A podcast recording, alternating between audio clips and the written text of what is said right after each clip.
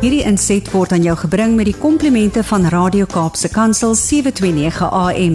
Besoek ons gerus by www.cape pulpit.co.za. Baie dankie, dit is lekker om te gesels oor die lewe wêreld van ons mense met gestremthede. Ek ontvang baie baie navrae van luisteraars oor een spesifieke saak. En ek dink die volgende weke moet ons 'n bietjie aandag gee aan hierdie baie belangrike saak. En dit is redelike akkommodasie.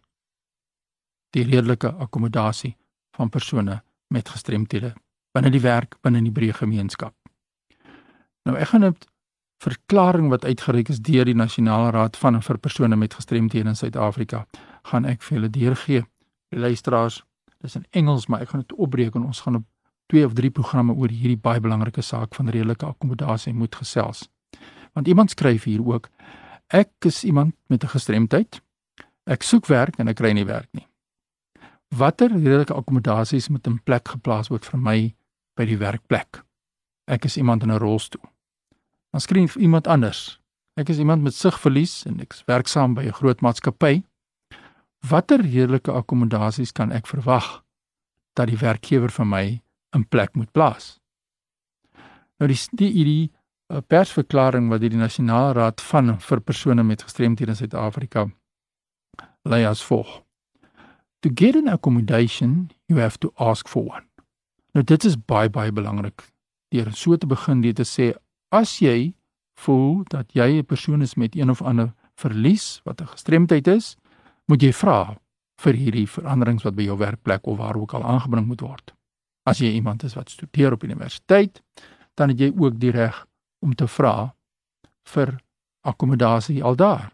En dit geld ook vir ouer wordende persone wat in 'n huis vir bejaardes is wat as gevolg van bejaardheid gestremd geraak het wat ook kan vra vir gelyke geleenthede in verhouding met ander inwoners van 'n huis vir bejaardes. Nou die Nasionale Raad sê under the Employment Equity Act and the Technical Assistance Guidelines on the Employment of Persons with Disabilities the white paper on the rights of persons with disabilities, employers are required to make reasonable accommodation to assist workers with impairments in performing their duties. Nou hier word drie dinge aangeraak. Die eerste, dit praat van die wet op gelyke indiensneming. Die tweede saak, ons praat van die tegniese ondersteuningsriglyne en die derde is praat ons van die wetskrif oor die regte van persone met gestremthede. En almal is dit eens dat dat werkgewers is in 'n posisie waar hulle moet onderhandel vir gelyke geleenthede vir mense met gestremthede. So dit is nie so dat 'n mens kan sê maar daar is nie wetgewing nie. Daar is nie ondersteuningsstrukture nie. So om die vrae te beantwoord in hierdie luisteraars navraag is dat stap 1 ons moet sê ons moet inligting bekom En daar is instansies. So as jy iemand is met sigverlies, daar is 'n instansie vereniging vir blindes wat 100% op hoogte is om jou te kan ondersteun by die werkplek. Wat namens jou kan onderhandel as jy nie bevoeg is of bevoeg voel om na vore te kom en te onderhandel met jou werkgewer nie. Daar is strukture beskikbaar. Nou ja, die eerste stap wat jy moet neem of weet as 'n persoon wat inligting soek oor jou gestremdheid in die werkplek daar is strukture beskikbaar. Soos ek sê, as jy in 'n rolstoel is en jy het inligting nodig, gaan na die nasionale raad van en vir persone met gestremthede.